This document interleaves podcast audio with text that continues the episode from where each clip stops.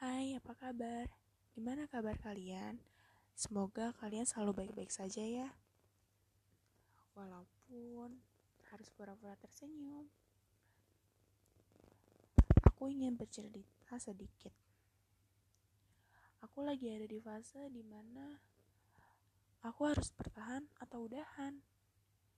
Kayak rasanya tuh berat banget gitu menerima ini ketika orang yang kita sayang, orang yang kita percaya tuh malah menyakiti kita tuh dengan sangat dalam.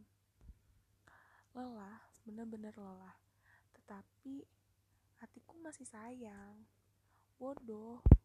Mungkin orang-orang akan berkata seperti itu. Mengapa sih harus bertahan kepada seseorang yang sering sekali membuatku menangis? Setiap aku ingin menyerah, selalu terlintas hal-hal baik yang dia lakukan dulu. Seperti logika dan hati tidak bisa selaras. Kupikir hubungan ini adalah hubungan yang terbahagia. Namun, nyatanya hubungan ini terlalu menyakitkan untukku. Bertahan pada situasi yang seharusnya harus aku lepaskan. Pikiranku selalu berkata, dia akan berubah kok. Tapi nyatanya tidak dan tidak akan pernah menguli, mengulanginya lagi meminta maaf lagi.